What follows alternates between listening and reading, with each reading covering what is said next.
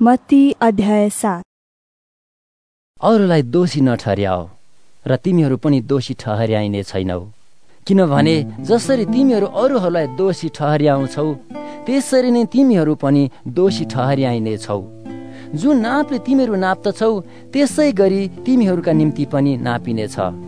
किन तिमी आफ्नो भाइको आँखामा भएको धुलोको कण देख्दछौ तर तिम्रो आफ्नै आँखामा भएको मुडा चाहिँ थाहा पाउँदैनौ?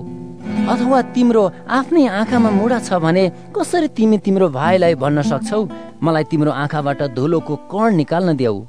ए पाखण्डी पहिले आफ्नै आँखाबाट मुडा निकाल तब तिम्रो भाइको आँखाबाट धुलोको कण निकाल्नलाई तिमी सफासँग देख्न सक्नेछौ।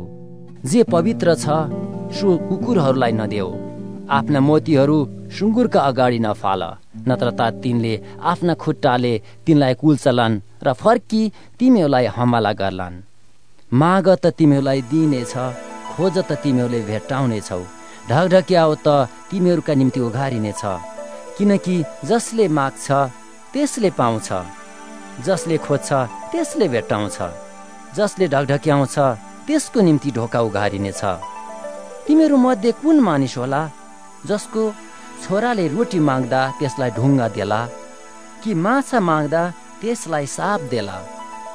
यसकारण तिमीहरू दुष्ट भएर आफ्ना छोरा छोरीहरूलाई असल चिज दिन जान्दछौ भने स्वर्गमा हुनुहुने तिमीहरूका पिताले उहाँसित माग्नेहरूलाई कति बढी गरेर असल चिज दिनुहुनेछ।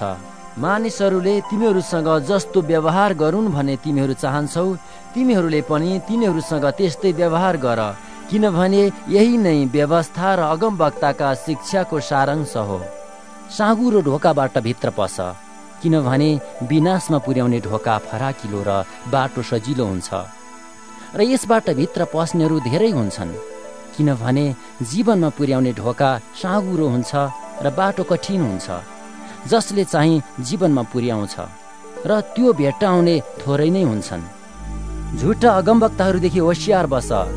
जो तिमीहरू कहाँ भेडाको भेषमा आउँछन् तर भित्रपट्टि चाहिँ डरलाग्दा बुवासहरू जस्ता हुन्छन्। तिनीहरूका फलबाट तिमीहरूले तिनीहरूलाई चिन्नेछौ। के काँडाका बोटबाट अङ्गुर अथवा सिउँडीबाट अन्जी टिपिन्छ र त्यसै गरी हरेक असल रुखले असल फल फलाउँछ तर खराब रुखले खराब फल फलाउँछ। असल रुखले खराब फल फलाउन सक्दैन न त खराब रुखले असल फल फलाउन सक्दछ असल फल नफलाउने हरेक रुख काटी ढालिन्छ र आगोमा फालिन्छ। यसरी ती अगम वक्ताहरूलाई तिनीहरूका फलबाट चिन्नेछौ। मलाई प्रभु प्रभु भन्ने सबै स्वर्गको राज्यमा प्रवेश गर्ने छैनन्। स्वर्गमा हुनुहुने मेरा पिताको इच्छा पालन गर्ने मानिसले मात्र परमेश्वरको राज्यमा प्रवेश गर्नेछ।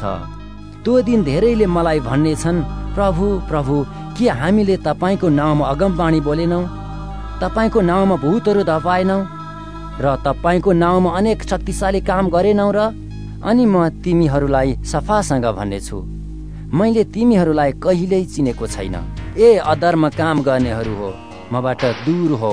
यसकारण जसले मेरा यी वचन सुन्छ र पालन गर्छ म एउटा बुद्धिमान मानिससँग त्यसको तुलना गर्छु जसले आफ्नो घर चट्टानमाथि बनायो अनि पानी पर्यो र बाढी आयो। अनि हुरी चल्यो र त्यस घरमाथि बजारियो र पनि त्यो घर ढलेन किनकि त्यो चट्टानमाथि बसालिएको थियो। जसले मेरा यी वचन सुनेर पनि पालन गर्दैन त्यसको तुलना एउटा मूर्ख मानिससँग गरिन्छ जसले आफ्नो घर बालुवामाथि बनायो पानी पर्यो र बाढी आयो अनि हुरी चल्यो र त्यस घरमाथि बजारियो र त्यो घर ढल्यो अनि त्यसको ठुलो विनाश भयो। यीशुले यी कुरा भनिसक्नु भएपछि भिड उहाँका शिक्षा सुनेर छक्क पर्यो किनकि उहाँले तिनीहरूका शास्त्रीहरूले झैँ होइन तर अधिकार भएको मानिसले जस्तो गरी सिकाउनुहुन्थ्यो।